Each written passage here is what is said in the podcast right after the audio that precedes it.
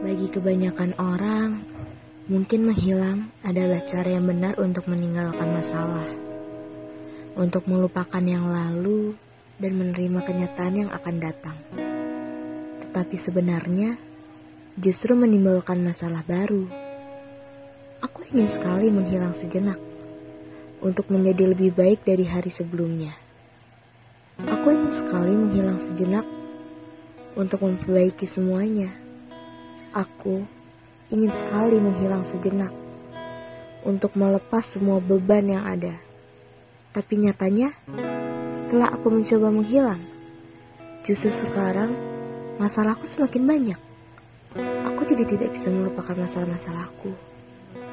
Justru muncul kerinduan di benakku. Jadi, bagaimana cara menghilang untuk membaik?